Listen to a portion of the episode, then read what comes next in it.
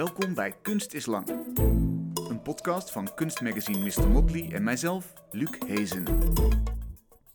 Ja, goedenavond. Leuk dat je luistert. We zitten hier in Vondel CS in het Amsterdamse Vondelpark. Je vindt ons in je eigen favoriete podcast-app, waar dat dan ook is. En we zijn ook te zien, nu, live op dit moment, als je naar de Facebookpagina van Mr. Motley gaat. Of als de uitzending afgelopen is, dan vind je ons terug op YouTube. Aan het eind van het uur hoor je Quico Touw. Hij is een van de initiatiefnemers van broedplaats Sinetol. Wat er allemaal gebeurt hoor je straks. En dat zijn heel veel leuke dingen. Dus blijf daar vooral uh, even op wachten. Maar we beginnen met Duren Lantink. Hij studeerde af aan de modeopleiding van de Rietveld Academie. En had onlangs op zijn 31ste al een tentoonstelling in het Centraal Museum. Hij is een modeontwerper die radicaal niets nieuws wil maken. Liever knipt hij overgebleven kledingstukken van merken als Gucci of Balenciaga kapot. Om ze vervolgens aan een deel van een ander stuk merkkleding te naaien. En zo ontstaat er een nieuw, met zorg gemaakt en uniek kledingstuk dat ook nog eens duurzaam is. En nieuw is dan relatief natuurlijk in dit geval. En hoewel hij het ding niet meer kan luchten of zien, is zijn bekendste stuk tot nu toe de vaginabroek, die hij voor de Amerikaanse Janelle Monet maakte. Die schitterde in een populaire videoclip en die zit nu in de collectie van het Centraal Museum. Duren, welkom. Hi. Leuk dat je er bent. Ja, dank je. We hadden het over die tentoonstelling in het Centraal Museum. Er zat een hele sterke installatie in. Een kleine shop-in-shop, zoals je dat eigenlijk kent uit een luxe warenhuis, bijvoorbeeld de Bijkhof. Helemaal overhoop gehaald. Rekken aan diggelen, afgezet met lint. Uh, en de rekken die nog wel overeind staan, die hadden kledingstukken van dure merken inderdaad, hè, zoals ik zei. Doormidden geknipt en ruw aan elkaar genaaid tot nieuwe stukken. Wat, wat zagen we daar? Wat was voor tafereel? Um, nou, ik wilde heel graag, ik wilde heel graag een soort van beeld neerzetten van een post-Black Friday shop-in-shop. Dus ik wilde gewoon heel graag laten zien aan mensen uh, wat, hun, uh, ja, wat hun behavior is tijdens zo'n mega sale. Omdat dat zo gekte is. Als je ook YouTube-filmpjes kijkt, dan zie je ook gewoon dat mensen massaal gek worden omdat iets heel goedkoop is wat normaal duurder was. Dus ik wilde gewoon heel graag een soort van apocalypse shop maken. Um, om, ja, om een soort spiegel voor te houden van uh, het gedrag van uh, consumers tijdens uitverkoop. Ja. En die installatie was een mix van uh, Balenciaga, Celine, Prada, Gucci en dat was het volgens mij. Ja. Anyway, dat waren dus ook allemaal, dat waren ook dus allemaal onderdelen uit zo'n uit een shop en shop van, van die merken. Ja. En dat heb ik eens samengemaakt met Juri Woudstra. Um, dus ik had het idee en hij heeft het ontwerp daarvoor gemaakt. Het, het is inderdaad, apocalyptisch is echt het goede woord. Het was totaal uh, bizarre sfeer, hing er ook. Ja. Hè, een soort graffiti-leuzen ook wel. Ja, ja, ja, ja. En we hadden ook, er was ook een sound effect waar je um, eigenlijk wat met ASMR, waar ze, waar ze dingen uitpakken in de uitverkoop. ASMR is... is ASMR, uh, sorry, dat is als mensen zo... Hallo, hallo, hallo. Ja, van die werkt het? Ja, ja, werkt zeker. Het de luisteraar hallo, hoort dit. Hallo, hallo. Zo van die hele, hele... Ja, zo, dat het zo gaat. Ja, dat je kippenvel krijgt, die Ja. geluiden. Oh mijn god, als ik dit nu thuis terugluister, word ik helemaal gek. Anyway, um, ja, dus die geluiden die waren daar ook. En um, ja, het was, ik, ik weet niet, was het een bizarre sfeer? Ik vond het wel een fijne sfeer, denk ik. Maar Ja? Ja, ik vond het een fijne sfeer. Ik vond het echt kapitalisme op, op zijn lelijkst, ja, zeg misschien maar. vond ik, da- daarom vind ik het misschien fijn om dat je daarmee lekker? te spelen. Ja, ik denk dat ik dat lekker vind, ja. Ja, want, want, want het deed me wel denken aan eh, het gevoel wat je kan hebben als je in de Bijkorf rondloopt bijvoorbeeld. Ja. Ik noem dat maar omdat Ja, het wel, het meest dichtbij is. Dat is toch een soort, soort luxe wereld waar je ook een beetje je hoofd op hol kan laten gaan. Ja, Dus ik snap wel de energie van Ja. zo'n zo'n koop, kopende eh, massa die zegt van... hé, hey, nu, ik- nu kan ik mijn kans ja. Slaan, slag slaan. Ja, het is. Het, ik weet niet, het is gewoon, het, het zeg maar voor mij, als ik, als ik erover nadenk of zo, dan zie ik het eigenlijk als een soort monsters. Dus ik zie al die grote megabedrijven als een soort monsters die mensen manipuleren om, om zeg maar iets heel lang full price te laten. En dan vervolgens uitverkoopprijzen te doen om gewoon mensen totaal gek te maken. En ehm, ja, ergens is dat natuurlijk niet heel goed, maar ja, ik vind dat, ik vind dat dan toch wel lekker om mee te spelen en om te laten zien. Ehm, er waren ook winkel, er waren ook eh, winkel, ehm, hoe noem je dat, shopping eh, mall geluiden, dus van die pianodeuntjes. Ja, En we waren ook bezig met een, eh, met een luchtje, want normaal als je een winkelcentrum binnenkomt, heeft dat zo'n hele sterke parfum eh, geur. Hm. Uh, maar op mijn eerste, uh, dus deze installatie was eerst op um, IFS in Somerset House in Londen gepresenteerd. En er waren restricties in de Somerset House, waardoor ik geen luchtjes mocht eh, doen. Omdat ze Ah. zelf een sentence hebben. Dus dat was... eh, Je bent helemaal ingekapseld ja, ja, ja, ja. Dus, die lucht die was al... Ja, die lucht die was er al... eh, die, die was daar al. Was al geclaimd. maar. Ja, Want is het een aanklacht? Inderdaad, je noemt, je noemt die grote merken monsters die, die ja dat is mensen... misschien niet heel slim. Maar ja, nou... Ja, het is gewoon ergens wel zo. Kijk, want je, als je kijkt naar, ehm, naar de productie van, van, van high-end labels, dan is het gewoon zo massaal. Het klopt gewoon niet meer. En daardoor, dat is ook wat ik doe met mijn werk. Dus ik probeer een soort van race against the machine te doen, waar je uitverkoopstukken uit de uitverkoop haalt, daar unieke stukken van maakt, waardoor je eigenlijk zegt van, oké, als jullie massaal gaan produceren, dan verknippen wij het kapot en dan maken we er toch weer luxe producten van door het, zeg maar, weer met de hand opnieuw te maken. Eh, dat er maar één exemplaar is. Dus, eh, dat soort dingen. Het, zijn gewoon, het, is een, ja, het is een aanklacht en het is een ja, soort gevecht tegenover eh, de reality van luxury. Ja, want, want wat zou er met die stukken gebeurd zijn als jij ze niet had opengeknipt en samengevoegd? Nou ja, ik bedoel, ik, dat weet ik niet, maar dat, het is algemeen bekend dat het dan toch of, of verbrand wordt of het gaat de landfills in. Of, Ja. Dat is niet eens zo heel algemeen bekend, denk ik. Maar oh, sorry. nee, misschien niet bij iedereen. Nee, misschien niet. Dus, dus een Prada-jas, om, om maar even iets te noemen. Hè, maar echt kun- oppassen, kan dan krijg je geen samenwerking meer. Hè? Dat, kan dus op de, dat wordt liever verbrand dan dat het voor 200 euro verkocht wordt. Bij Ja, ja, want de marktwaarde. Dus het, het gaat zo dat. Het is echt een heel saai verhaal. Maar ehm, het, gaat er, het gaat er dus zo om. Kijk, zij, hebben, zij produceren duizend stuks. Dat is heel weinig. Maar ze hebben allemaal stockholders. Dus ehm, die, deze duizend producten die hebben een bepaalde waarde. En als je die waarde, dus zeg maar, eh, als je dat voor minder verkoopt, dan wordt je bedrijf ook minder waard. Dus ze kunnen niet anders dan het heel lang bewaren en dan verbranden, omdat ze het dan niet afschrijven. Dus op het moment dat je verbrandt, hoef je het niet af te schrijven. Waardoor het altijd op papier lijkt alsof je die stukken nog hebt, waardoor je bedrijf dus ook best wel een meerwaarde heeft. het is Maar, een boekhoudkundige truc eigenlijk. ja, in principe wel. Het is een hele saaie financiële truc. Ja. Met, met wel, eh, nou ja, het totale verpesten van kleding tot gevolg. Want het is gewoon hele goede ja, kleding. maar, ja niet, niet, niet alleen het verpesten van kleding. Het is ook, het is gewoon verzieken van iets. Want kijk, voor mij is mode, en dat klinkt super cliché, maar voor mij is mode iets wat een soort magical is. Weet je, het heeft iets en dat, dat, eh, het is al lang verpest doordat er zulke grote bedrijven daar soort mega business van hebben gemaakt. Maar voor mij is mode een installatie maken. Eh, weet je, het is iets dat je ergens heen gaat en je ziet iets en je denkt, wow, wat is dit? Het is gewoon dingen uitzoeken, eh, uniekheid, craftsmanship. Het zijn gewoon allemaal van zulke mooie dingen die eigenlijk door, door dat hele, door die hele machine een soort van kapot zijn gemaakt. Dus, en natuurlijk niet in elk opzicht, maar over het algemeen kijken mensen nu naar mode als een soort van vervuilende, vieze, eh, platte industrie. Weet je, wat is Ja. oppervlakkig, mode is geen kunst. eh, het is, ja, dus, ja, ik weet niet. Het is voor mij, het, voor mij is het gewoon heel belangrijk. Het is gewoon mijn manier van communiceren. Ja. En eh, waar is dat als eerste ontstaan bij jou? Wanneer dacht jij, ja, die mode, dat, dat, dat, is mijn manier van communiceren? Nou, ik, ik, ben altijd met ik ben altijd met kleren bezig geweest. Dus ja, weet ik eigenlijk niet. Gewoon heel jong. Zo cliché. Ik wilde nooit brandweerman worden. Ik wilde altijd modeontwerper worden. Dat is eigenlijk best wel sneu. nee, dat is heel mooi. Waarom is dat sneu? ja, weet ik veel. soms, soms zie ik iemand achter de kassa zitten en denk ik, wow, sick. Dat zou ik ook willen. Nee, dat kan altijd nog. verkla- Zou ik je Ja, willen verklappen ja, ja, ja, dat kan wel, ja. ja, maar, maar, maar wat, nee, wat is het je dan in blijven- die... oh, sorry, dan moet je rechtop blijven zitten. Dat kan ik niet zo Oh, dat is fysiek eh, ingewikkeld. Wat, wat is het dan inderdaad in die combinatie van kleren? Want sommige mensen hebben helemaal niks met kleren of mode. Nee. En die zeggen, ja, wat maakt nou als ik maar iets heb wat me warm houdt? Ja, Maar jij zegt, het is een taal en ik kan me daarin uitdrukken. Ja, nee, maar goed, ik kan natuurlijk niet voor de hele wereld spreken. Kijk, sommige mensen zijn- eh, ge- zijn geïnteresseerd in rockmuziek, de andere mensen zijn geïnteresseerd in Ja.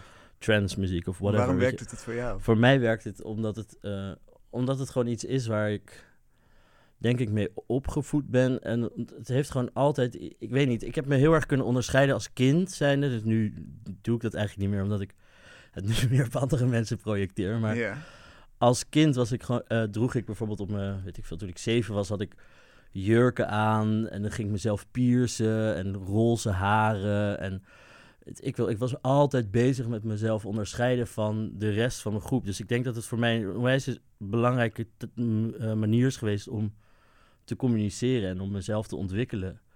Eh, dus in die zin, eh, daarom is dat belangrijk voor mij. Het is gewoon, het is iets waardoor ik mijn verhaal kan vertellen. Het is makkelijker, zeg maar, ik kan makkelijker mijn verhaal vertellen in kleren dan dat ik hier nu met jou daarover moet praten. Is het, ook een, is, is het ook een soort van eh, eh, persoonsvorming inderdaad? Je, je apart zetten van een groep en laten zien, ik, ik ben niet zoals de rest?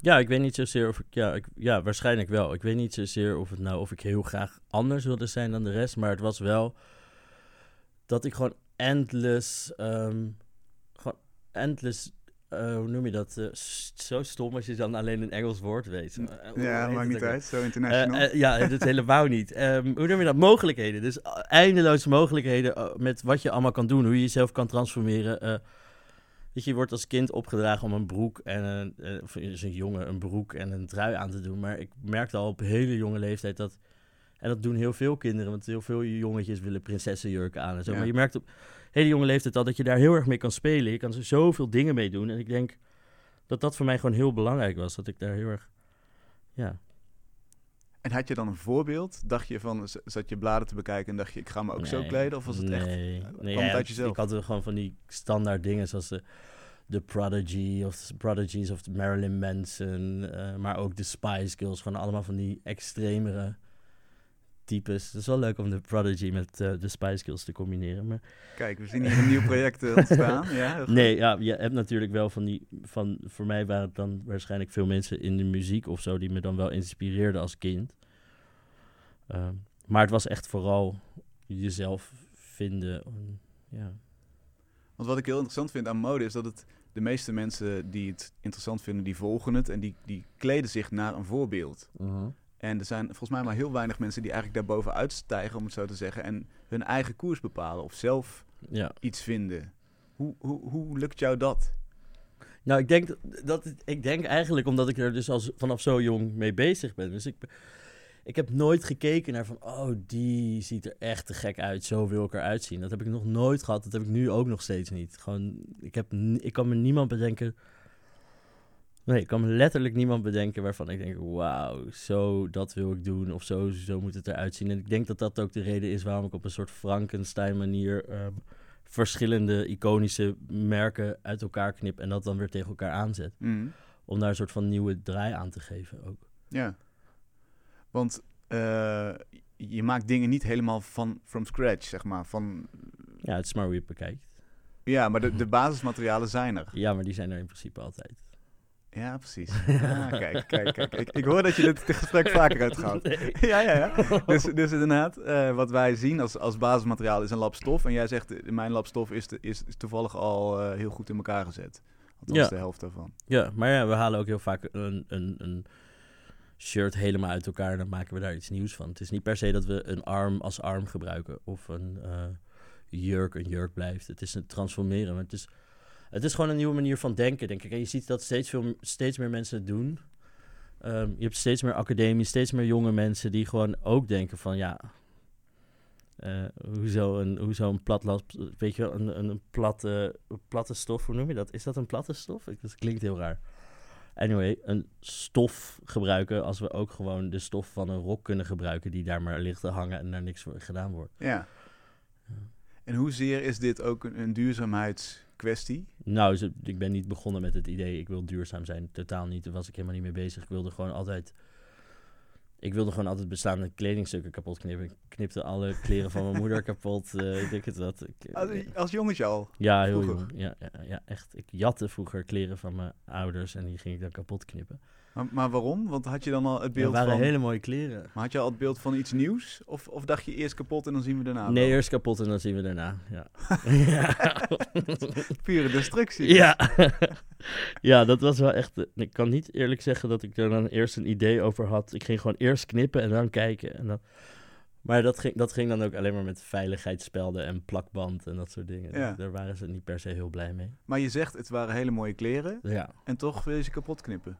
Ja, tuurlijk, om iets nieuws van te maken. Ja. Ja. gewoon kijken wat, je er, wat, nog, wat de andere mogelijkheden zijn om, dat, ja, om het op een andere manier te tonen. Noem eens, omschrijf eens ook- creatie. We- Weet je dat nog? Hoe, hoe, hoe, hoe zette je dan iets, eh, een jurk van je moeder? eh, Nou, voornamelijk met tape, maar ik moet heel eerlijk toegeven dat ik... Ik heb tot het derde jaar van mijn academie alles met... Eh, tot het derde jaar van mijn, van mijn academie alles met tape gedaan. Ik denk dat tijdens mijn afstuderen dat er, zie, heb ik nog één jas Als je die open doet, zit er allemaal duct tape. Want het was helemaal niet... Ge... Ik was een master in niet stikken. Dus gewoon alles plakken. Oké. Dus, uh, dus, alles, dus ook, bij, ook bij de kleren toen ik heel jong was, waren gewoon heel goed getaped. Dus ik zocht gewoon altijd andere manieren. Ik haat stikken. Ik vind stikken echt het allerirritantste wat er is. Dus ik zocht daar ook weer andere mogelijkheden voor. Ja, dus je hebt al, eigenlijk al twee wetten van de modewereld gebroken. Eén, je moet iets, iets nieuws maken en uh, je moet het allemaal zelf doen. En twee, het moet gestikt zijn. Ja. Oké, nou, dan komen er vast nog een paar bij dit, uh, dit uur. Uh, maar omschrijf eens zo'n heel vroeg jeugdig stuk van jou. Wat, wat, de helft de jurk van je moeder en de andere helft? Wat, wat nee, ik heb er wel eentje toen, is iets ouder, dus het is niet de eerste. Maar toen ik, ik denk 12 was of zo ik op een gegeven moment uh, 15 spijkerbroeken van mijn stiefvader kapot geknipt. Omdat ik bedacht had dat de, de band van de... Hij had allemaal van die dieselbroeken. En dan had ik bedacht dat die band, die moest er dan af. Mm En um, die ging ik er dan afknippen. En toen dacht ik, oh ja, mijn oma die heeft nog een paar van die tafelkleden. Dus mijn oma de tafelkleden gepakt. En toen ben ik daar een soort van rokken van gaan maken.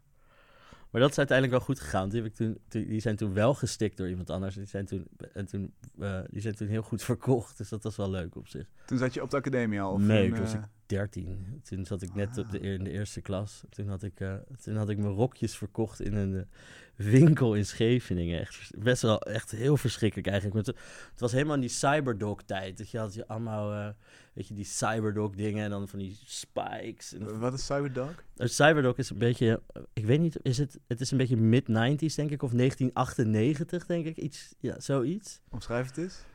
Het is zo heel erg Goa-trends. Zo met van die, um, dat je zo van, op een gegeven moment, weet je, van die shirts waar dan licht in zit. Of dan uh, van die alien hoofden erop. Het was heel Ah, erg ja, Walter ja. van Beirendonk tijd. Het is heel erg met, ehm, ehm, hoe noem je dat, nylon shirts met felle printen, prints erop. En ehm, ja, gewoon Goa, nou, het is niet Goa-trends, maar ik denk dat als je, als je niet in mode zit, dat je dat dan het beste Ja, eh, daarmee kan vergelijken. ja. Ehm, tegenwoordig wordt het door andere mensen gestikt, hè? Wat je, wat je maakt. Je hebt, in, je hebt een team nu die Ja. dat voor jou kan doen. Ja. Gelukkig. Ja. Het is, het is niet meer met tape. Ik mag ook niet meer knippen. Zo irritant. Eh, wat, wat zei je? Ik mag ook niet meer knippen. Hoezo niet? In nou, omdat ik alles kapot knip. Dus nu, als ik een schaar pak in mijn studio, dan raakt iedereen in paniek. Dan gaat het gewoon echt zo... "Oh, wat gaan we doen? En dan, guys, Maar in principe eens... ben jij de baas, toch? Ja, maar toch zijn... Op een of andere rare manier zijn, eh, zijn eh, de mensen die het in elkaar zetten... toch altijd meer een soort van overmacht. Omdat ik dan... Voel ik, me dan voel ik me toch weer ineens het jongetje van acht die stiekem zijn schaar pakt of zo. Want wat gaat er dan mis als jij knipt?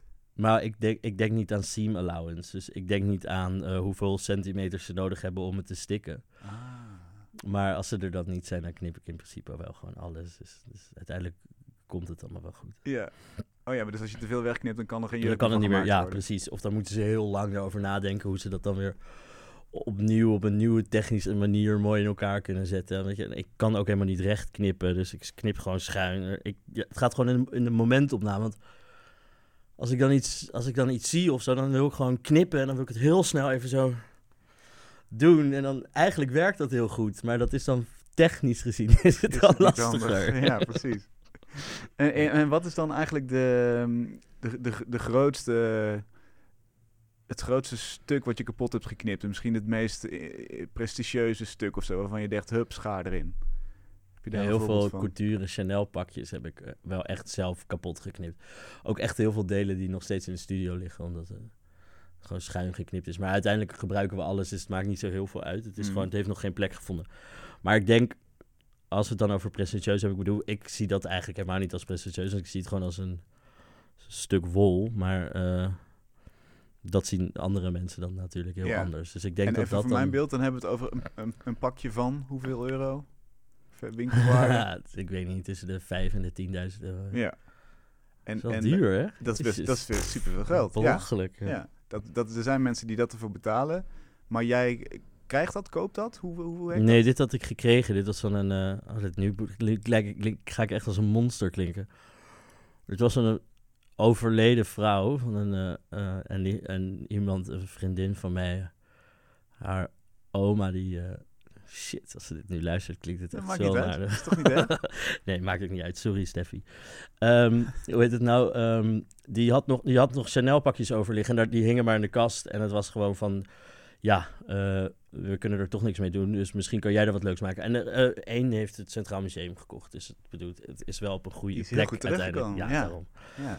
Maar waarschijnlijk is dat het meest presentieuze stuk wat ik kapot heb geknipt. Oh, en ik heb, nou, ik heb ook een, eh, een slangen Gucci-jas tot op de grond. heb ik ook kapot geknipt, een witte. En die was nieuw, dus die kwam echt nog uit de winkel. Maar er zat een heel klein vlekje op, waardoor die niet meer verkocht kan worden. Oh, wow. En dan, en dan krijg jij hem? Ja. Ja. En wa- wat eigenlijk gek is, want eh, je, je legde net uit, het wordt verbrand als het niet meer, eh, hè, als- het eh, ergens in, een- in een voorraadje ligt en het wordt Mhm. niet meer verkocht. Mhm. Nu eh, gebeurt er nog iets mee. Mhm. Maar wat, wat is het belang van zo'n merk om dan een jas aan jou te geven? Nee, het merk geeft absoluut niet. Die merken zijn er helemaal niet blij mee, volgens mij.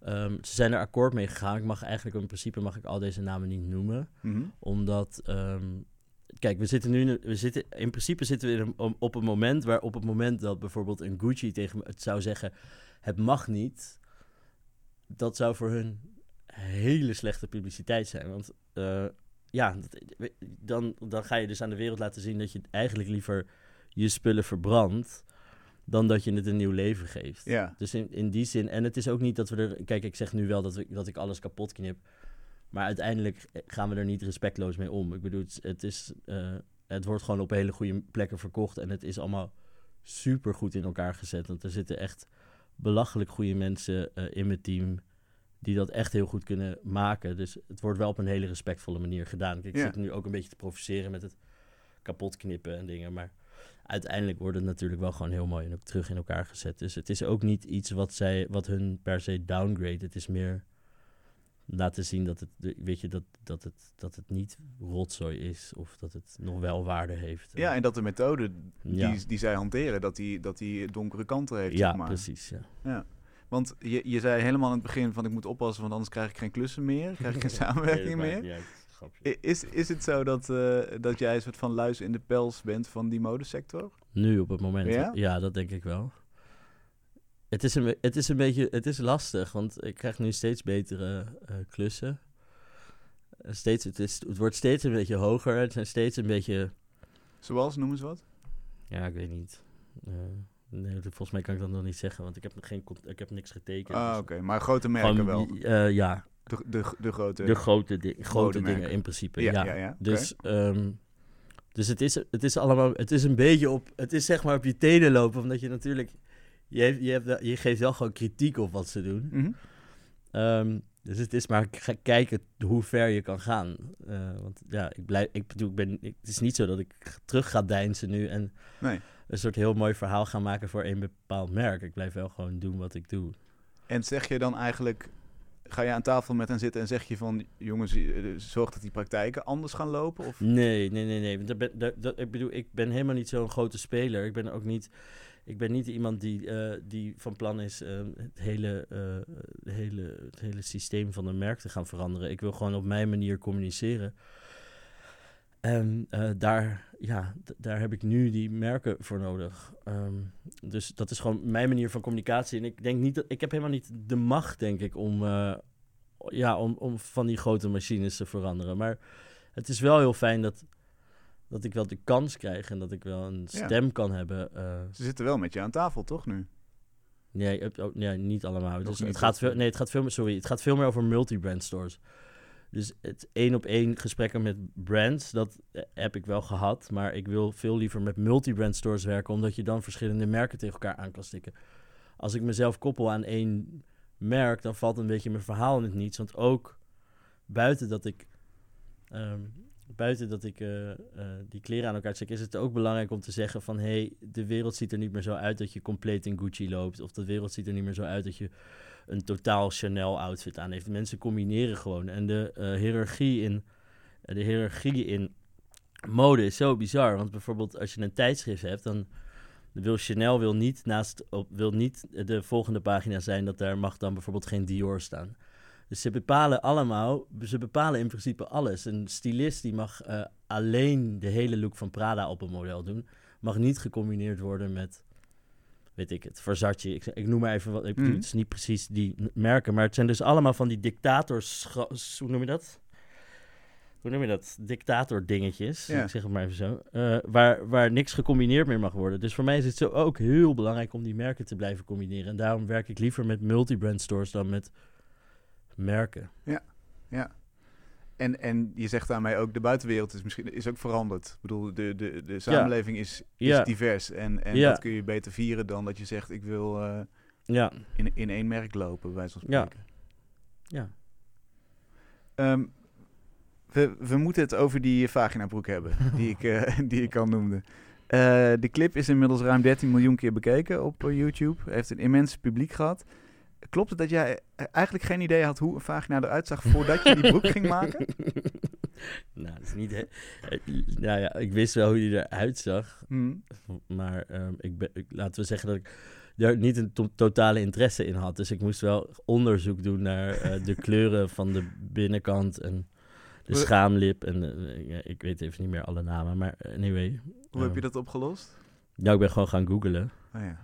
Eh, maar ik, ik, ik, ik weet, niet of jullie dat ook hebben, maar als je googelt, dan Google die eh showt altijd dingen waarvan ze denken dat jij dat interessant vindt. Hm. Maar ik heb, goed, ik weet niet of dat, misschien is dat heel abnormaal, maar je zoekt op Google toch altijd wel gewoon bizarre dingen op. Dus heb ik het niet per se over seks, maar je gaat gewoon bizarre dingen opzoeken. Ja. Dat doe ik in ieder geval, gewoon om onderzoek te doen. Dus wat er dan gebeurt als ik vagina opzoek, dan krijg ik gewoon de meest bizarre foto's van eh, ontleden vagina's en weet ik het wat. Dus dat was niet per se een heel fijn beeld, maar ik had geen tijd. Dus ik had gewoon uitgeprint en toen dacht ik, ga even naar de markt. eh, op de Albert Kuipmarkt om de, kleuren te zoeken. Dus die- moest ik naar de Indiaanse silkwinkel om eh, roze kleuren te zoeken. En toen had ik die, die foto, dus ik zat gewoon met die foto's aan te kijken. En, nou, die mensen in die winkel die vonden dat niet per se heel fijn dat ik met een vagina... eh, het klinkt nu net alsof ik een soort scheldwoord aan het zeggen ben. Maar anyway, ehm, En heb je ben je met die foto toen naar de kassa gegaan van geef, geef me ongeveer dit? ja. ja. Want het was een haastklus. Hij, hij- hij moest snel eh, ja, moest heel snel. Ja. naar een videoclip toe. En tegelijkertijd, eh, nou ja, misschien wat je, wat je net ook zei, als je snel lekker bezig bent en je bent het, eh, iets aan het maken, dan, dan werkt dit blijkbaar. Ja. Want dit ook, dit was grote klappen. Ja. Bepaalt dat dan ook wat je daarna maakt? Nee, ik wilde niks meer van die, met die vagina broek te maken hebben. Want ze wilden dat ik allemaal andere dingen met die vagina dingen ging doen. Maar dat wilde ik helemaal niet. Ik, vond, ik vind het gewoon heel gimmicky. En ik had het voor Emma gedaan. Ehm, en ik snap wel dat, ik snap dat het een hype is. Of in Mhm. ieder geval dat het een hype wa- was. Eh, maar het is, helemaal niet, het is helemaal niet waar mijn werk over gaat. Dus ja, het, is, het was heel fijn voor mij. Want ik heb daardoor wel een opstap gekregen. En ehm, internationale mensen gingen meer naar mijn werk kijken, waardoor ik weer heel veel andere eh, kansen heb gekregen. Dus, ik dus het was, ik bedoel, ik ben heel blij dat ik hem heb gemaakt, maar het is niet per se dat ik. eh, daar, heel veel mensen zeiden, dat vond ik het allerraarste, dat ze dan zeiden. En nu moet je doorpakken. Dan dacht ik, wat? Waar hebben jullie het over? Wat Ah, is ja. dat, doorpakken? Helemaal niet. Die vagina moet gewoon verstopt worden. En ik moet gewoon weer verder met wat ik gewoon aan het doen ben. Want dit was een, een, een zijweggetje eigenlijk. Ja, dit was, Emma is een van mijn beste vriendinnen. En die heeft die videoclip geregisseerd. Dus zij, via haar had ik het. eh, via haar had ik die opdracht gekregen. En ze vroeg ook eerst: wil je het doen? Toen zei ik nee. Ik zei, "Eh, totaal geen zin in. Het is- Zei ze, Doe nou alsjeblieft. Ik zei ja, oké. Het was een vriendendienst. Ja, toen had ik zo heel lui iets anders gestuurd. Gewoon een jurk, wat ik al lang had. Een zwarte jurk, een soort van met plusje of zo. Ik zei, ja, deze? Ze zei, nee, kom op, je moet wel eventjes je best doen. En Toen heb ik mijn best gedaan. En toen, ja. En als mensen dan zeggen, nu moet je doorpakken, dat bevestigt eigenlijk, eigenlijk het idee dat ze denken, mode gaat over succes. ja, het over is zo geld. vervelend. Het is zo bizar. Ik, vind het, ik, ik moet eerlijk zeggen dat ik er zelf nu ook best wel mee deal. Omdat nu zit ik natuurlijk... Het lijkt wel een therapie-sessie dit. Ehm, hoe heet het? Ik, ja, ik duw er zelf ook wel mee. Omdat eh, nu heb ik een soort van succes. Of, nu, of ik weet niet of het succes is. Maar er zijn heel veel kanalen die iets met me willen doen of zo. En waardoor ik ook nu zoiets heb van... Ah, ja, shit moet ik dan nu terug? Nu heb ik voor het eerst het idee dat ik misschien moet doorpakken. Dat ik, of dat ik, weet je wel, normaal zou ik misschien wel terugtrekken en dan denken van, oké, nou nu ga ik iets doen met alleen maar neppe kleren of zo. Of eh, nu ga ik iets doen met alleen maar gestolen items. Een andere straat inslaan. ja, dat zou ik normaal doen, maar ik weet. Maar waarom dan? Nou, ik heb dat, trouwens, ik lieg, want ik heb twee weken geleden een eh, gestolen collectie gepresenteerd. Het zijn gestolen items. En die, eh, eh, dat gaat over het stelen van. eh, sorry, ik ga van. het gaat over het stelen van. ehm, eh, massaal stelen bij HM, Zara, Mango. dus eigenlijk een soort open call om te shopliften. En dan de, de gestolen kleren van Zara en H&M te transformeren tot high-end hybrids. Die dan in luxury stores verkopen. En dan daar eh 50% van de profit geven aan mensen die mistreated zijn eh, tijdens het proces van de fast fashion. eh, Ja, machines. precies. Dus dat is het principe. Dus eigenlijk ben ik nog wel. Maar ik, Je, je bent nog aan het vernieuwen, wil je ja, zeggen. ja, Ja. Maar, ik ben dus, maar ik kan me niet meer terugtrekken. Dus ik moet en dat doen en dan moet ik ook die tegelijk. Dus nu moet ik een soort dubbel. Ja, Dat is fijn. maar, maar dus, het, dus het aan elkaar stikken van oude stukken, dat, dat- dat, dat is het doorpak-idee Ja. Voor jouw gevoel nu. Dat je denkt, eigenlijk wil ik wel misschien iets anders, maar... Nou, misschien een andere insteek. Dus Hm. daarom is het stelen. Nee, dat aan elkaar stikken, dat zit er altijd al in. Dus Ja. ik denk niet dat ik het zo snel. Kijk, dat zou ik natuurlijk ook met interieur kunnen doen. Of eh, weet ik veel, gebouwen. eh, oude kerk tegen een nieuw. Ik weet ik veel. Ja, dat bestaat waarschijnlijk al heel veel. Maar je kan het natuurlijk op allerlei vormen doen. Dus dat, dat, dat, dat die collage-achtige technieken zitten er wel, denk ik altijd dat is wel de blijven. basis. Mhm. Maar gewoon de, de nieuwe insteek van ehm, hoe, hoe, hoe kun je weer een ander verhaal vertellen. Ja. Tegelijkertijd weet je inderdaad, als je nu op, op deze weg doorgaat, dan rollen daar weer nieuwe klussen uit. En dan Ja, dat je- bedoel ik. Dus eh, daardoor kan ik die, die haha, die ga ik toch weer zeggen. Dan heb je een soort wiel waardoor je je team kan blijven be- betalen. En waardoor dat een soort van tot stand kan blijven. Ja, Maar dan zou het wel fijn zijn als je, ja, als je dan weer even een, nieuwe uitdaging kan doen of zo. ja. En hoe, hoe doe je dat? Hoe ontstaat een nieuwe uitdaging bij jou? Hoe krijg je inspiratie? Hmm, ja, weet ik eigenlijk niet. Geen idee. Eh, gewoon, het ontstaat gewoon ineens. Hm. Ja, dat ontstaat gewoon ineens. Dat is gewoon, weet ik veel, je loopt door de stad, je ziet iets of eh, je kijkt een fi nou, films niet per se, maar ehm, het gebeurt gewoon, weet je. je hebt, ja, ik weet niet, dat heeft denk ik iedereen wel, toch? Dat je gewoon zo ineens iets bedenkt en dan, dan spint dat in je hoofd en dan wordt het steeds, dat wordt groter en groter en groter en op een gegeven moment moet dat dan gewoon daaruit. En dan Mm. moet je daar iets mee doen. Dan kan je niet meer. Dan kan je dat niet meer niet doen. Dus dan moet je dat maar tussendoor doen, want anders dan word je gek. Ja, Dus die mode is ook een soort uitlaatklep ja, van ja, wat er in jouw hoofd eh, ronddraait Ja, allemaal. ja. En dan mag, het geen, eh, mag je geen schaaf vast hebben, want anders dan gaat de boel... nee, bij die stolen heb ik alles zelf geknipt. Sowieso de beste collectie. maar eigenlijk is dit is dus weer een soort van activistische insteek. Dus, dus je had bij de, de grote, eh tussen aanhalingstekens, modemerken... ja. Hè, die, die mensen uitpersen om, om hun prijzen lekker laag te kunnen houden. Ja. Eh, en, en via een omweg komt het weer terug bij de mensen die benadeeld zijn. ja. Ook eh, zou je kunnen denken, misschien niet eens handig of zo voor jou... als jij in, in deze branche verder wil en misschien ooit Nee, nog een daarom. daarom fijne ik... collectie H&M wil Ja. ontwerpen. Nee, ik wil nooit een... Oh, dat moet ik niet zeggen, want dadelijk bieden ze me 100 miljoen en dan heb ik hier gezegd nee. Doe je het dan wel? Weet ik niet. Nee, denk... Hoe, hoeveel nou, geld, jawel, hoeveel geld versus Dan principe... kan ik allemaal, dan kan ik, dan kan ik al mijn ideeën die ik wil, echt wil, dan kan ik dan uit, uitbouwen. Maar wel Oeh. ten koste van het milieu en ten koste nee, van die nee, mensen. nee, ik zou dat nooit doen. Ik vind H&M en Zara gewoon echt belachelijke ehm, ehm, bedrijven. Hm. Dus ik zou dat nooit doen. Waarom? Ik, ik- Eh, eh, nu, omdat je het zegt, denk ik, dan denk ik heel even, dan denk ik aan een soort van Ja, je laat het zonnig idee toe. iets. Maar dat ik zou uiteindelijk, puntje bij paaltje, denk ik dat mijn principes daar wel liggen dat ik dat echt nooit zou doen. Ik zou wel gewoon heel graag massaal van ze willen stelen. Omdat het gewoon, in principe zijn het natuurlijk de grootste kleptomanen. Want ze jatten op elke manier, ze betalen geen belasting. Ehm, ze jatten alle ontwerpen van, eh, van jonge ontwerpers, van eh, established houses. Dus in principe jatten zij echt op alle manieren dat je maar zou kunnen bedenken. Dus in Mm. die zin zou ik het wel heel aantrekkelijk vinden om een, massaal gestolen collectie eh, van, van hun items te maken. Ja. Want, want inderdaad, uh, misschien nog heel even... Je bent van... de politie hier zo voor de Nou, nee. ik denk dat we het gesprek nog wel af kunnen maken. dat redden we wel. Maar uh, voor de mensen die gewoon niet vermoedend de Kalverstraat inlopen... naar dit soort ketens, wat heel kort, als soort van modereporter... Wat, wat, wat is de kwalijke kant van deze grote winkels?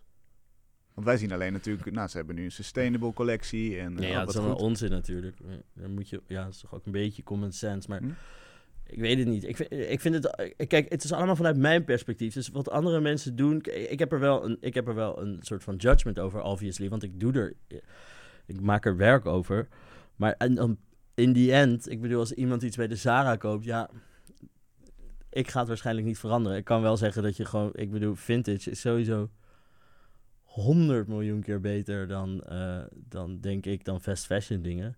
Over het algemeen ook beter dan high fashion dingen. Maar nou, ik snap niet waarom. Ja, ik denk dat het gewoon heel belangrijk is dat mensen gewoon vintage blijven kopen. En dat dat, dat gewoon, zeg maar, de main core wordt van uh, hoe, je, ja, hoe, je, hoe je verder wil gaan als je wil consumeren in kleding, hm. kleren mode.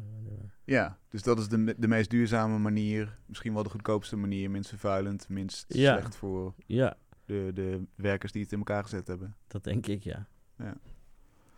Uh, gaat dat ooit gebeuren, denk je? Nou, dat weet ik niet. Dat, de, dat de, vintage de mainstream wordt?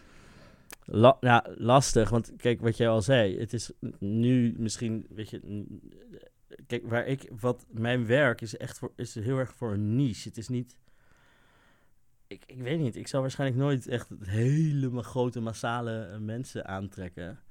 Dus ja, ik, ik, heb ik heb gewoon echt geen idee. Ik heb het idee dat het alleen maar groter en groter gaat worden. Uh, uh, maar het zou, ja, het zou fijn zijn als dat niet gebeurt. En het zou fijn zijn als mensen ja, massaal, radicaal uh, daartegen ingaan. Maar mm. ja, als je gewoon kijkt naar als je kijkt naar, naar, naar, de, naar zeg maar de hele social media wereld en die flauwe onzin, is het natuurlijk gewoon. Mensen dragen alles maar één dag, of niet eens één dag, 15 minuten voor een foto en dan gaat het uit. Dus het is. Uh, vroeger was het nog dat ze dan naar een feest gingen één avond, maar nu is het gewoon een, een top aantrekken, vijf minuten foto maken en dan snel weer iets anders aan. Dus het gaat alleen maar sneller, sneller, sneller, sneller, sneller. Maar dan uiteindelijk kan je natuurlijk ook bedenken, kijk, als die hele digitale wereld, als dat in die virtual reality en al die shit, en als je op een gegeven moment 3D-animaties eh, kan creëren die je via je computer, dus zo'n meisje, de Fabricant, Fabricant volgens mij, zo'n meisje die dan nu al op Instagram, zeg maar, een soort van kledingstukken om je heen kan projecteren. Als het die kant uitgaat, dan is het natuurlijk heel voordelig, want dan hoef je dus niet meer kleren te maken, maar dan kan je dus gewoon 3D-animaties eh, aandoen en daar je Instagram-foto van maken. Of je TikTok-filmpje of je uh, YouTube-channel. Ik bedoel, hmm. ik denk dat, die, dat, dat dat social media-ding, dat zal niet kleiner worden. Dat zal alleen maar groter worden. Maar dan moet er dus op die manier misschien een oplossing gevonden worden om... Um, ja, ja, omdat het op een andere manier... Ja. ja. Maar wat, wat ik ook denk is dat die grote merken die zijn natuurlijk in staat om een identiteit te verkopen. Die verkopen eigenlijk misschien wel meer dan kleren verkopen die in... Ja, maar dat kan dus ook via 3D-animatie dan. Maar, maar je kunt niet van één vintage setje uh, miljoenen mensen de belofte geven als jij dit nee, setje maar, koopt. Ja, maar daarom, dat is dus, daarom zeg ik, ik werk best wel voor een niche. Ik kan niet zeggen dat, dat miljoenen mensen dit ooit gaan doen. Ja.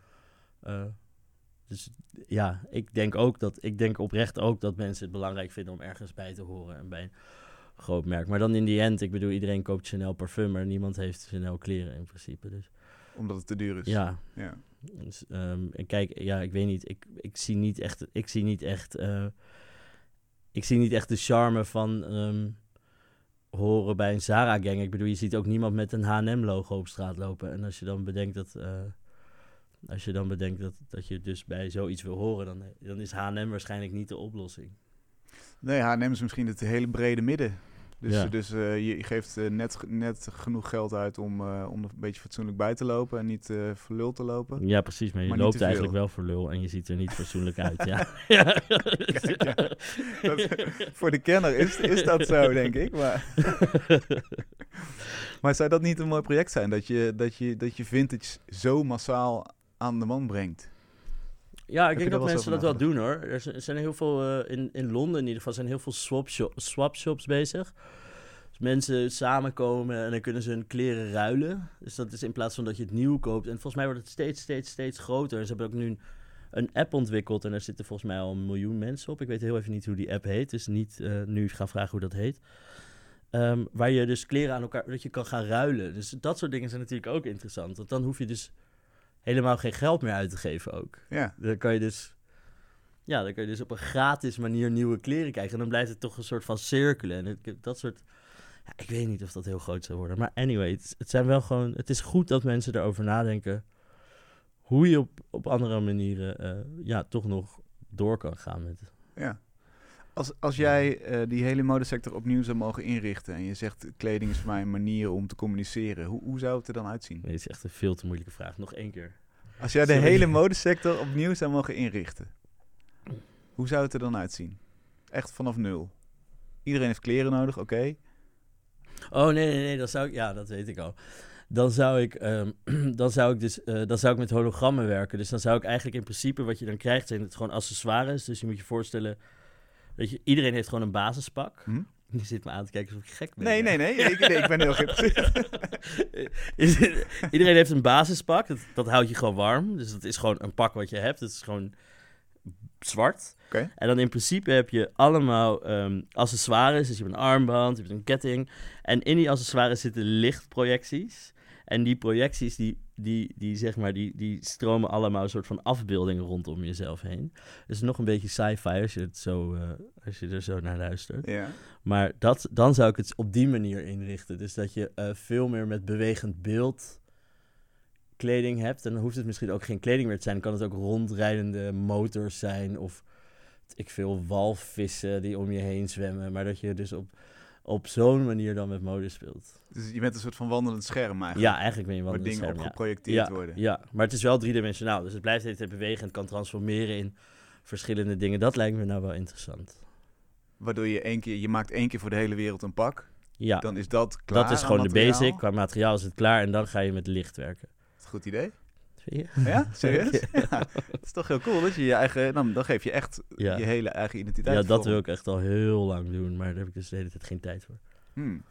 Nou ja, en ik kan het ook natuurlijk helemaal niet, technisch gezien. Maar ehm, ja, dat lijkt mij gewoon echt, het- dat lijkt mij gewoon de, de, de ideale wereld. Ja. Het was een tijdje een trend, toch? Allemaal, allemaal eh, ik weet misschien nog steeds wel, maar dat je je, je kleding, je lichaamstemperatuur meet ja, ja, ja, maar dat zien. dan weer niet. Want kijk, dat, is, dat vind ik zoiets... Oh, sorry, dat mag niet ja, even Dat vind ik gewoon zoiets raars. Want eh, kijk, stel je voor, eh, je bent ongelukkig. Ja, de meeste mensen gaan dan de allermooiste kleren aantrekken. Dus je wilt toch helemaal niet op straat lopen dat iedereen ziet dat je ongelukkig bent. Dus Nee. dat is toch ook een beetje. Dat is toch ook een beetje wat de, soms de functie van kleding is. Dat je je kan verbergen. Dat je dus op een andere manier kan uiten dan dat je je eigenlijk voelt. Ik bedoel, stel je voor, ik zou nu woedend op jou zijn, maar ik zit hier wel te lachen. Dan ik nu helemaal rood ben. Dat Val je door de mand. ja, dat is toch verschrikkelijk. Hè? Ik weet niet. Ik- Ja. Dus dat, die, die, die, die manier van eh, wat Philips, volgens mij Philips dat gedaan, of zo, dat heb ik echt nooit begrepen. Hmm.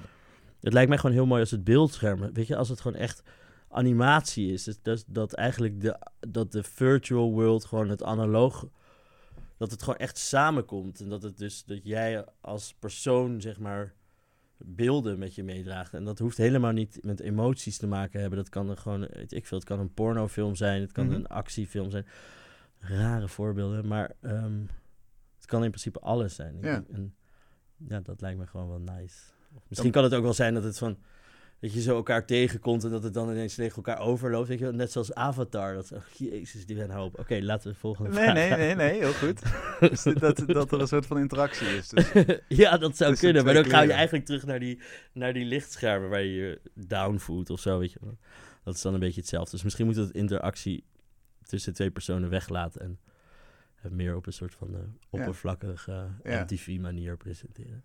En toch vermoed ik ook dat een H&M dan gaat zeggen... oké, dan maken we eh, standaard projecties... die je voor heel weinig geld kan Ja, kopen. dat is fijn. Nou ja, dat is helemaal niet fijn trouwens. Maar eh, dat is dan een zorgen voor later. Ja. Dus op de een of andere manier is die mode heel erg met identiteit... voor mijn gevoel Ja. gelinkt. ja. ja, dat is het zeker. En dat is wel... eh, als je de mazzel hebt om, om, om de zelfverzekerdheid te hebben... of de creativiteit om naar buiten die groep te stappen... en te zeggen, dit ben ik... dan, dan is, kan mode denk ik heel leuk zijn. Maar veel mensen is mode misschien ook iets beangstigends of iets Ja, waar ze zich niet zeker in voelen. nee. Ja. Ja, ja, dat kan. Ja, ik weet niet. Ja, wat- ja, ik kan er niet zoveel over zeggen. Want ik, het, ik heb dat gewoon zelf nooit echt gevoeld. En ik vind het altijd heel moeilijk om over andere mensen te praten. Misschien heb ik dat net wel gedaan, maar ik bedoel meer over persoonlijke gevoelens. Ja. Ja. Ehm, ik kan me ook voorstellen dat mode juist wel heel belangrijk is voor mensen die zich onzeker voelen. Of die, dat het juist wel heel veel helpt. Mm. Eh, Je hebt ehm, samen met fotograaf Jan Hoek een heel mooi project gedaan, Sisters of the Castle. Ja. Langlopend project. Ehm, ja, leg heel even kort uit wat het, wat het inhoudt. Sorry. Eh, Oké, de Sisters of the Castle is een eh, samenwerking tussen Sisterhood, Jan Hoek en mezelf. En, ehm, sorry, ik heb, dit, ik heb dit verhaal zo vaak verteld dat ik soms eventjes niet meer weet wat ik erover moet zeggen. Oh. Ehm, ja, oké, dus het is, ja, dit is, nee, het is echt mijn is een goed project, het toch? Ja, het is mijn allerbelangrijkste project, of Ja. niet ons allerbelangrijkste project. Ehm, dat is, eh, we, zijn, we zijn een samenwerking aangegaan, of nou de meisjes hebben besloten dat ze een samenwerking met ons aan zijn gegaan eh, in Zuid-Afrika, in Kaapstad, waar we transgender sekswerkers eh, hebben ontmoet. En tijdens onze eerste reis zijn we op zoek gegaan eh, naar eh, twee meisjes die we op Google hadden gevonden, Coco en Lolly. Het zijn Jan en ik eh nou, s'nachts door Long Street gaan zoeken met een foto om te kijken of we deze meisjes konden vinden. Omdat we zo, ja, ja, we vonden dat ze er gewoon zo te gek uitzagen. En we wilden gewoon meer over deze meisjes weten. Wat hadden ze aan bijvoorbeeld? Ja, ehm fluoriserende netkousen over hun hoofd. En ze waren, helemaal, ze waren gewoon helemaal in party setting, weet je. Het was echt gewoon dat je dacht van, fab. Daar willen we bij horen. Dat, Uh-huh. Wat misschien niet helemaal oké is om dat dan nu zo te zeggen. Maar dat was wel gewoon het initiële gevoel. Eh, dus toen zijn we naar Kaapstad gegaan. Toen hebben we die meisjes gevonden. En toen bleek er een ehm, groep te zijn. Die heette Sisterhood. En Sisterhood is onderdeel van Sweat. En Sweat is een sekswerkersorganisatie die ehm één keer in de week of één keer in de twee weken safe space biedt aan sekswerkers.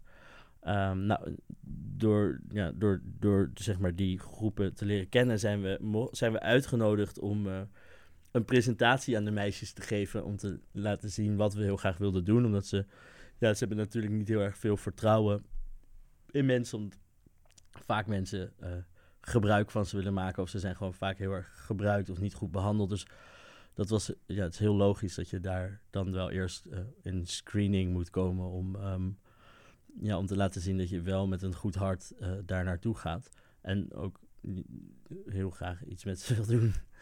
Ehm, dus toen hebben we een workshop, hebben we een workshop ehm, georganiseerd waar we allemaal kleren van de straat hadden gevonden en allemaal kleren van charity shops hadden gevonden. En toen hebben we een dagje met hun ehm, dus dingen aan elkaar gestikt. En eh, eh, ja, gewoon ze mochten allemaal hun eigen outfits maken. En dat vonden ze ontzettend leuk, dus dat was helemaal goed.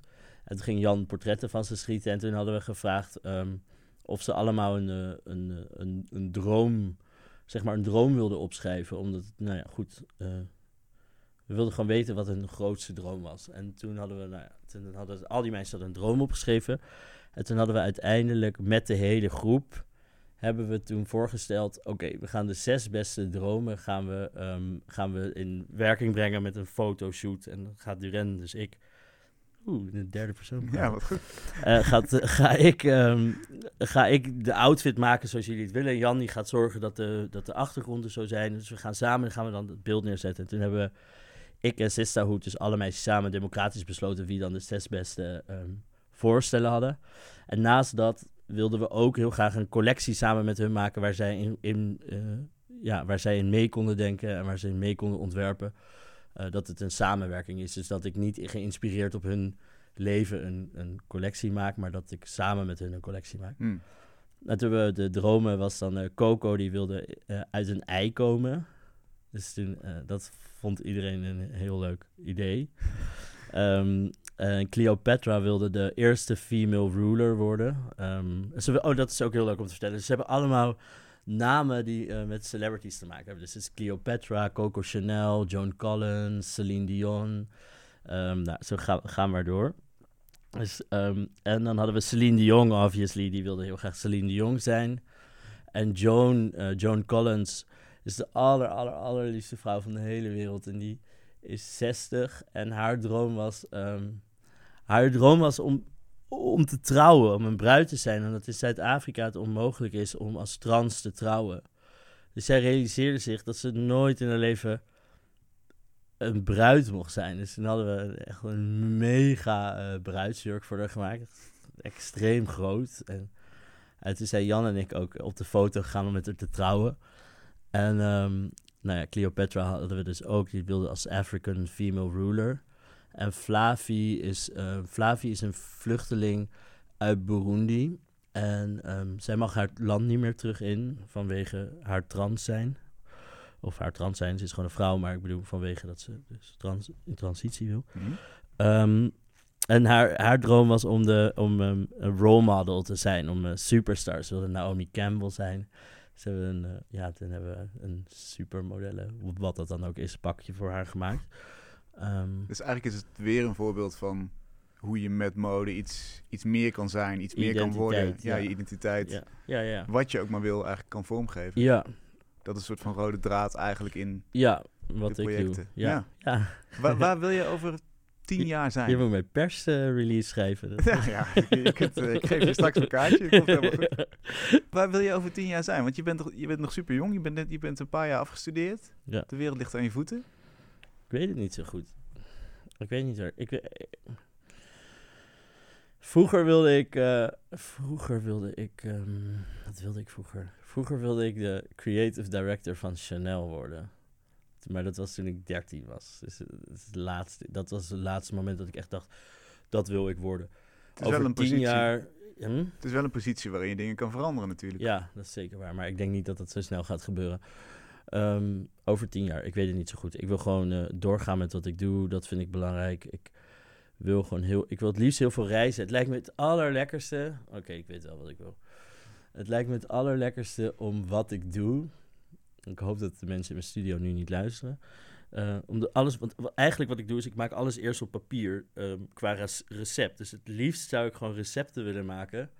En die dan gewoon naar uh, brands sturen of multi-brand stores. Dus dan hoef ik alleen nog een recept te maken. En dan, uh, en dan kan ik dat naar digitaal naar een multi-brand store sturen. En dan kunnen zij dat in hun eigen atelier maken. Dus dan hoeft het ook niet meer getransporteerd te worden. Dus dan heb ik gewoon eigenlijk een soort van recept klaar. En dan wordt het opgestuurd. En op die manier zou ik dan gewoon overal kunnen werken. En dan zou ik gewoon misschien wel mijn hele leven lang op vakantie kunnen gaan. Dat lijkt me, nog, het lijkt me eigenlijk het relax. Gewoon ergens aan een strand zitten en dan digitaal uh, kledingstukken opsturen. Af en toe even naar je hotelkamer om een kledingstukje op te sturen. Dat lijkt me nou echt heel fijn, nee. Hey, en hoe werkt zo'n recept dan?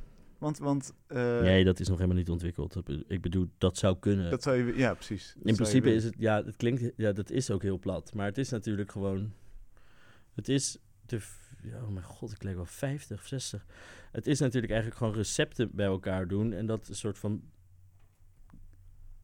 ja, dat samenvoegen en dan komt er iets goeds uit. En, mm um, dit heb ik letterlijk van iemand gehoord die 70 is en dat kopieer ik nu. Dus daarom voel ik me nu deze. dat is toch niet erg? nee, dat is helemaal niet uit. Leeftijd maakt ook helemaal niks uit. Maar ik, ik, herinner me dat deze man dit zo op heel Amsterdam zei. Zo.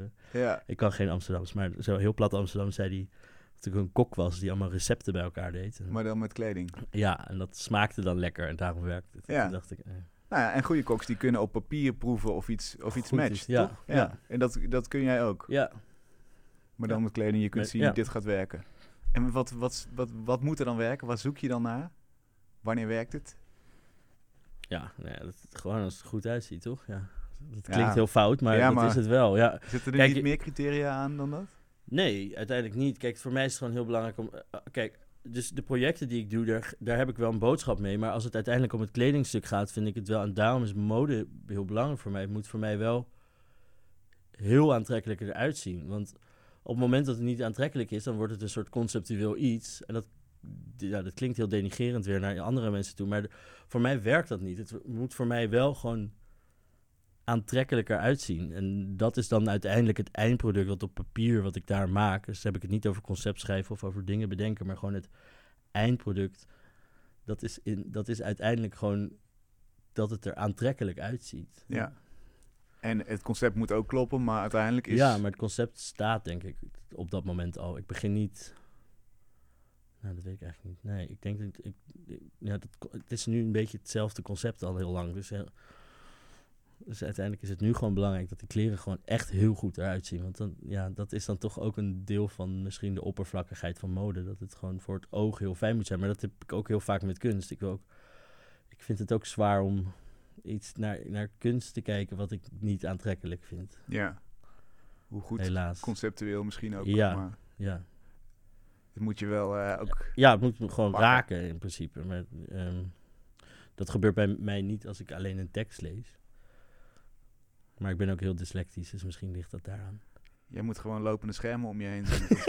dan, eh, dan Alles goed. moet gewoon bewegen en er moet geluid uitkomen en dan... eh, Laten we afspreken dat we over tien jaar eh, jouw creaties ja. Als, als lopende schermen Ja. zien. Dankjewel, leuk dat je ja, er was. Ja, jij ook bedankt. Wij gaan door met een van de vele broedplaatsen die Amsterdam rijk is. En dit keer gaat het over Sinetol, gelegen in de Pijp, vlakbij de Amstel. En een van de oprichters is hier, Quico Touw. Quico, welkom. Hallo. Wat is Sinetol voor type broedplaats? Eh, wat voor type broedplaats? Eh, ja, we zijn eh, niet alleen een broedplaats, maar ook een, een concertzaal. Mhm. Echt een poppodium.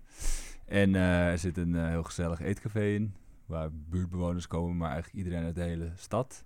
Dus we zijn, ja, we, we, we zijn iets meer dan een broedplaats, vinden we zelf. Omdat broedplaats vaak is waar vele mensen onder één dak werken, maar wij hebben ook echt wel eens die publieke functie. Ja, Dus eh, weet je, iedereen kan bij ons binnenlopen eh, om concerten te bezoeken of eh, even naar het café te gaan.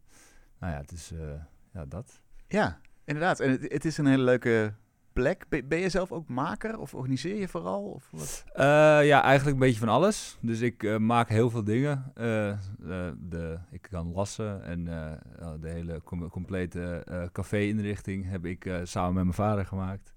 En eh, ja, verder zitten er vooral mensen in het gebouw die eh, eh, achter bureaus werken. Dus de, de beroepen die een laptop nodig hebben of een groot scherm. Dus illustrators, filmmakers. Maar we hebben ook repetitieruimtes voor bandjes. Dus er is ook muziek is een belangrijk iets in het, in het geheel. Ja.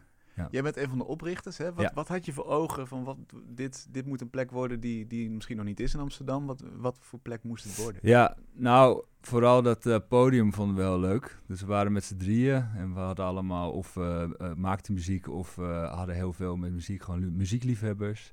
Dus dat leek ons wel wat, maar we hadden op dat moment niet, niet echt een idee hoe we dat in godsnaam gingen doen. Ja. Een nieuw poppodium in Amsterdam, waar natuurlijk al het een en ander te vinden is. En eh, ja, dit gebouw stond leeg. En eh, ja, het is bijna onvoorstelbaar. Maar dit, dit was iets van zeven jaar geleden. Een beetje einde van de crisis. En dit gebouw stond toen al... eh, het was een oud buurthuis. Het, het is een oud buurthuis. En het stond al vijf jaar lang leeg. Dat is ondenkbaar in deze tijd. Maar ja, toen hebben wij de kans gekregen om erin te gaan. Het was een groot gebouw. En hebben van de oude gymzaal hebben we dus de concertzaal gemaakt.